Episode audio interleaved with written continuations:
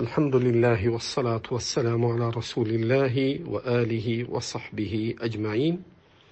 فقد ادعى بعض من ينتسب إلى العلم وبعض من انحرف عن العلم وأهل السنة أن الحاكم إذا قصر ببعض الواجبات كإقامة الحدود مثلا فإنه يجب على أفراد الأمة أن تقوم بهذا الواجب الذي قصر فيه الحاكم. وهذه مقولة باطلة مخالفة لما جرى عليه عمل السلف الصالح رضي الله عنهم. وقد ثبت في الصحيحين من حديث أبي هريرة رضي الله عنه أن النبي صلى الله عليه وسلم قال إنما الإمام جنة يقاتل من ورائه ويتقى به وعند أبي داود يقاتل به. رجعت إلى الصحيحين يقاتل من ورائه ويتقى به.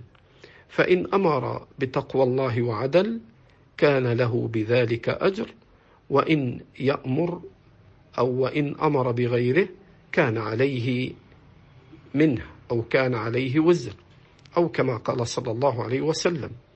وفي هذا الحديث بيان أن هذه الأحكام التي منها إقامة الحدود لا يقوم بها آحاد الرعية وإنما يقوم بها ولي الأمر. فإن النبي صلى الله عليه وسلم قال إنما الإمام جنة يقاتل من ورائه ويتقى به. وقد قال الإمام أحمد في اعتقاد أهل السنة وجايز للرجل إذا تعرض له الخوارج واللصوص أن يدفع عن نفسه فإن فارقوه فلا يحل له أن يتبعهم وإن أمسك ببعضهم فإنه لا يقيم الحد عليهم. إنما ذاك لولاة الأمر ومن والله ولاه الله أمر المسلمين. قال الإمام أحمد وإنما أمر بقتاله يعني المعتدي ولم يؤمر بقتله.